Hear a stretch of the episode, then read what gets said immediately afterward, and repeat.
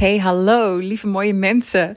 Leuk dat je weer luistert. Ik ga deze aflevering beginnen met uh, met je te delen dat ik echt zulke lieve, toffe, mooie reacties heb ontvangen naar aanleiding van mijn uh, vorige aflevering. De eerste na lange tijd stilte hier op de podcast. En uh, het was echt hartverwarmend om te zien hoe jullie ja, herkenning uit mijn verhaal haalden. Dat is ook echt iets wat ik veel heb teruggelezen de afgelopen week. Maar ook um, ja, dat er ook een aantal mensen waren dat ze weer blij waren. dat ze naar mijn stem konden luisteren. het is altijd zo leuk om te horen. Maar ik krijg regelmatig berichtjes van mensen die zeggen: Ja, Nathalie, het voelt gewoon, ik zet jou aan. En het voelt gewoon alsof uh, ja, een van mijn vriendinnen een, een, een spraakje aan het inspreken is. nou ja, dat is helemaal leuk, want dat is ook echt wat ik over wil brengen.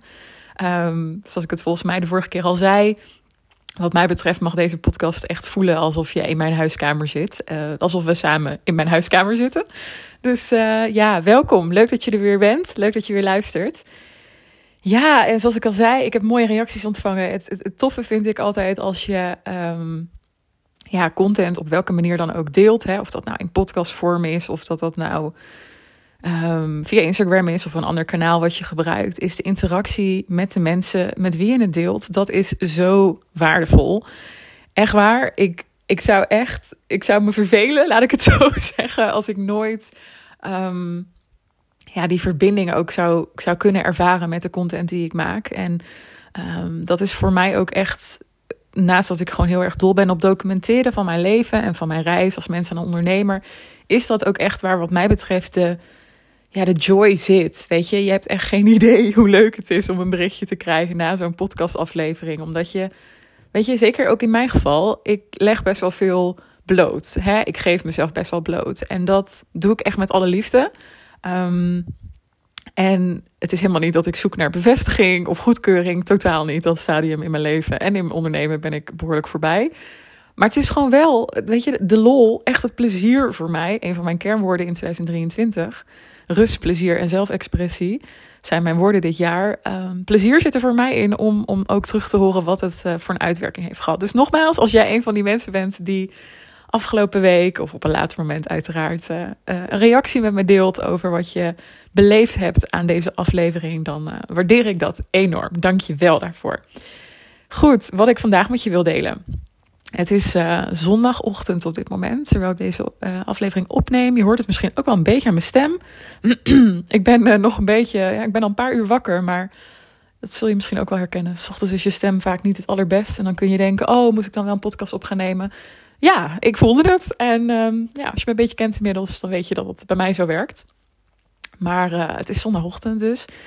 En het is het één na laatste weekend dat ik in Lissabon ben. Heel bijzonder. Ik heb um, nog een week, ja, nog acht dagen, negen dagen. Nou ja, in ieder geval, ik heb nog één hele week, zeg maar, hier. Voordat ik de overgang voor de zomer maak naar Nederland. En ja, wat zal ik er eens over zeggen? Um, het is goed zo, zeg maar. Als in, ik weet dat ik natuurlijk gewoon weer terugkom naar de zomer. Um, maar uh, het is ook goed zo als in, ik ben hier nu negen maanden dus geweest. Het eerste deel van mijn emigratiereis. En ik voel ook heel erg, zo werkt het denk ik ook wel gewoon. Althans voor mij wel. Dat als je op een gegeven moment gewoon weet.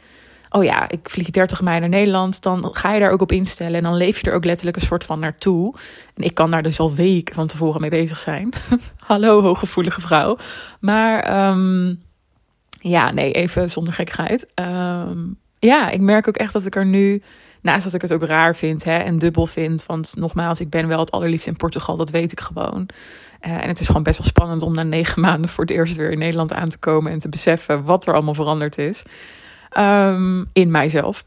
Maar goed, ik heb er dus ook gewoon echt wel zin in. En het is raar tegelijkertijd. Maar goed, um, heel veel maar goed. Maar ik geniet er in ieder geval heel erg van om uh, ja, ook heel bewust zeg maar deze laatste week even in te gaan. En um, dat is ook de reden dat ik deze aflevering op wilde nemen vandaag voor je. Omdat ik ja, gisteren vooral uh, heel erg bewust werd van het feit dat ik, um, terwijl ik het leven van mijn droom heb gerealiseerd hier in Portugal, dat ik eindelijk ja, um, het leven leef zoals ik het al jaren voor me zag.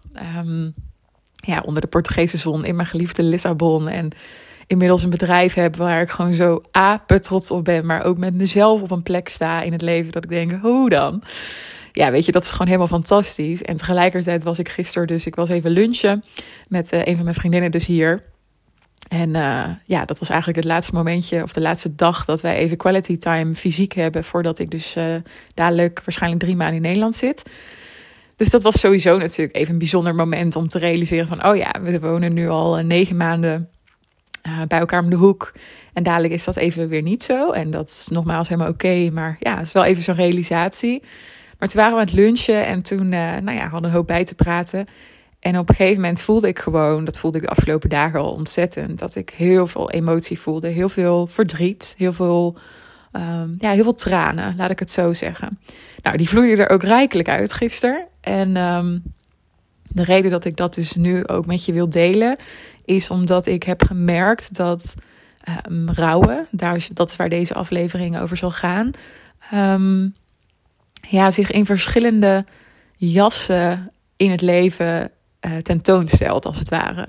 We hebben heel vaak de associatie als we denken aan rouw. Hè, um, dan denken we natuurlijk aan de dood en iets wat gestorven is. Of dat nou hè, een, uh, een letterlijke mens is, iemand die je bent verloren aan de dood. Of dat het. Ja, dat is het eerste waar we vaak aan denken. Maar rouwen is zoveel meer. Rouwen zit in zoveel lagen verworven of verweven, hoe je het noemen wilt. En ik merk op dit moment aan mezelf dat ik. Um, ja, daar ook weer in een soort nieuwe fase in terechtkom. En ik voelde, terwijl ik daar gisteren zelf ook doorheen ging, van hé, hey, ik mag hierover delen. Omdat ik zelf ook merk dat daar nog best wel weinig over gepraat wordt. Um, ja, de vorm of de, de uitingsvorm, laat ik het zo zeggen, waar ik nu zelf ook, hè, wat ik beleef. Um, ja, en ik vind ook dat we dat wel meer mogen erkennen uh, met elkaar, dat dit ook onderdeel is. Nou ja. Misschien klinkt het vaag voor je, maar dan zou ik je vooral willen uitnodigen om nog even te blijven luisteren, want ik ga je er even iets meer in meenemen. Ik merk zelf op dit moment dat ik, doordat ik natuurlijk door zo'n gigantische transformatie ben gegaan met een emigratie naar Portugal, dat ik um, ja, heel trots ben op het leven wat ik nu gecreëerd heb. En dat ik ook super dankbaar ben. Iedere dag denk ik, oh, het is nu mijn realiteit. En iedere dag voel ik me heel vervuld um, met het feit dat ik zoveel moed heb durven tonen om het gewoon te gaan doen in mijn eentje. Um, en tegelijkertijd, het moment dat je eigenlijk ervaart van wauw, dit is me gelukt, ik heb dit gedaan, ik heb dit geflikt, ik leef het leven waar ik zo lang van droomde. Het is nu de realiteit. Dat zijn ook voor mij de momenten, steeds vaker, waarop ik me realiseer dat um, ja, rouw op een nieuwe laag om de hoek komt kijken en op een nieuwe laag bij me aanklopt. En daar ga ik je even meenemen. Wat ik heel erg merk bij mezelf, en misschien herken je dat, is dat we heel snel bij rouw denken aan hè, huilend op die keukenvloer, huilend op die badkamervloer of het diepe gemis op bijvoorbeeld een geboortedag of op een sterfdag van iemand of nou ja, weet je, ik weet zeker als jij dit luistert en je bent zelf ook bekend met rouw en verlies, dan zul je herkennen dat er ja, een soort plaatje bij je opkomt. Hè? Een soort associatie van wat rouw dan is. Um, en iedereen beleeft het anders, laten we dat ook voorop stellen. Maar voor mij is de laatste tijd heel duidelijk geworden dat rouw ook juist heel erg voor mij voelbaar is op momenten dat ik heel gelukkig ben. Dus op momenten dat ik, ja, zoals gisteren, daar op het strand zit, om me heen kijk, besef: oké, over ruim een week vlieg ik naar Nederland voor de zomer. Maar het is nu omgedraaid. Weet je, ik ben nu gewoon thuis in Portugal, de plek waar ik me zo goed voel, waar ik zo ontzettend op mijn plek ben, waar ik hoor. Um, en ik weet je, ik, ik, ik, heb de, ik heb de luxe zeg maar voor mezelf om ja, even tijdelijk naar Nederland te gaan en dan weer terug te mogen komen op de plek die voor mij thuis is. En ja, weet je, dan voel je zoveel trots. En dat zijn ook de momenten waarop ik dan dus merk, ik kan het niet meer delen. Ik kan het niet meer delen met mensen die um, enerzijds die ik ben verloren aan de dood, hè, die hier letterlijk niet meer zijn, maar ook voor een groot deel met mensen die hier nog wel rondlopen, maar met wie er geen contact meer is. Ja, en dat is me er eentje. En dat is precies waar ik vandaag met je bij wil stilstaan, omdat um, ik zelf steeds meer erkenning durf te geven dat dat dus ook rouwen is. Um, ja, en dat ik ook heel erg zelf een soort zoektocht heb gehad in mezelf daar erkenning voor geven dat dat dat dus ook mag. En dat dat, ja, hoe zeg ik dat goed? Um, dat dat ook nog een soort iets is waar dus wat mij betreft veel te weinig over gepraat wordt. Want nogmaals, we associëren het vaak met hè, als iemand zegt: Oh, ik ben aan het rouwen. Of hè, ik zit in een rouwproces. Of dat nogmaals is omdat iemand overleden is, omdat je afscheid van iets hebt genomen. Rouwen komt in zoveel vormen en gradaties. Maar ja, voor mij is het zo verademing eigenlijk oprecht geweest. Sinds ik mezelf ook vertel en laat voelen van ja, maar lieverd. Um, ja, weet je, juist het gemis is voelbaar op de pieken in je leven. Of ja, pieken is misschien niet het goede woord, maar op de momenten van grote dankbaarheid, van grote vreugde, van grote trots. Weet je, dat zijn natuurlijk de momenten. Ga voor jezelf maar eens na. Als jij um, hè, iets, iets super tofs hebt bereikt, gecreëerd, hebt laten ontstaan of meemaakt, wat dat dan ook is. Hè, of dat nou privé, zakelijk of wat dan ook is.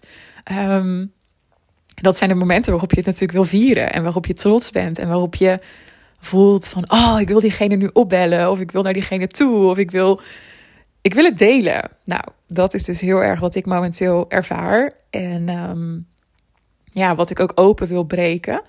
Uh, collectief, omdat ik geloof dat we daarmee ook veel meer recht nog doen aan de liefde die eigenlijk geen kant meer op kan, die we niet meer kwijt kunnen. Zo ervaar ik rouw ook. Um, omdat, ja, weet je, afgelopen weken heb ik het gewoon heel sterk. Dat ik denk, wow, ik heb het allemaal gedaan. Ik ga nu even tijdelijk naar Nederland. Maar kijk, mij eens even dit leven gecreëerd hebben. Weet je, het was natuurlijk een lange route. En daar komt nog een keer een aflevering over. Um, hè, de reis voor mij naar huis, naar letterlijk Portugal-Lissabon. Maar I did it. En wat had ik graag dit moment, dit gevoel wat ik nu ervaar de laatste weken, de laatste maanden, maar speciaal de laatste weken. Wat had ik dat graag gedeeld met de mensen waar ik zo ontzettend veel van hou en die niet meer in mijn leven zijn? Ja, en ehm, terwijl ik dit ook zeg, raakt het me, omdat, ja, weet je, het is nog zo, het, het voelt ergens zo ongewoon om. Dat is wat ik zie gebeuren, laat ik het zo zeggen. Ik, ik, ik merk dat terwijl ik dit aan het vertellen en aan het delen ben met je, dat er verschillende stromen eigenlijk op gang komen als in waarom ik dit deel. Want enerzijds doe ik dit omdat ik hier zelf doorheen ga en dit ook gewoon met je wil delen vanuit puurheid, vanuit mij, vanuit Natalie.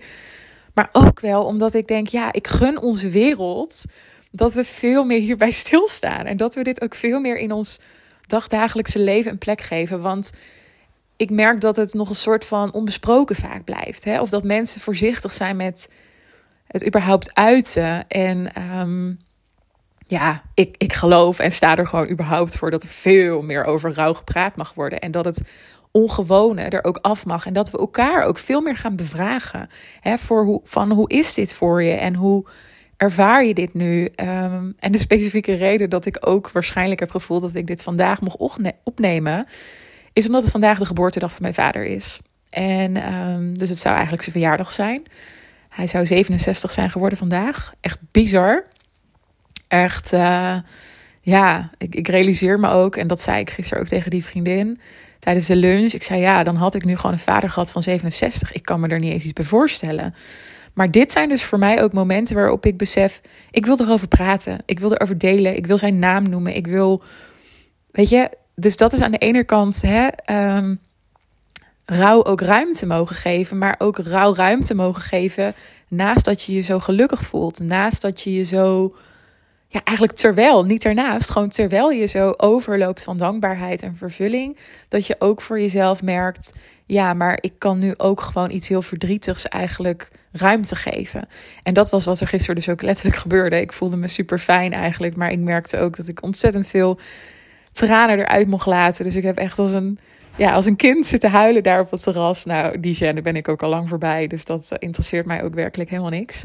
Maar ja, dat was voor mij wel echt zo'n moment dat ik dacht: ja, hier is nog zoveel in te winnen met elkaar. Dat we veel meer praten nog over deze plek die rouwen dus ook inneemt op momenten van vreugde.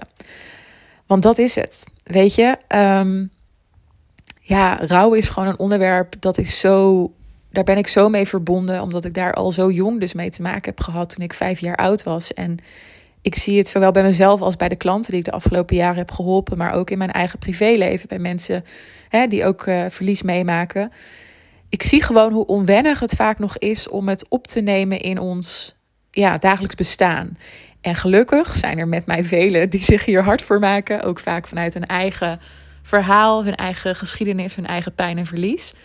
Um, maar het gemis, het gemis wat voelbaar is, mag er altijd zijn. En dat is ook waarom ik voelde dat ik deze boodschap vandaag met je wilde delen. En jou ook vooral een moment wil gunnen voor jezelf, als jij dit luistert, dat ook jouw rouw er mag zijn. Altijd. Zowel op de momenten dat het misschien verwacht wordt. Hè? Denk aan, dus wat ik vandaag ook merk uh, of hè, ervaar is: oké, het is zijn geboortedag. Um, ja, weet je, daar kun je allerlei associaties bij hebben. Dat je dan hè, tradities hebt voor jezelf. Nou, die heb ik ook wel.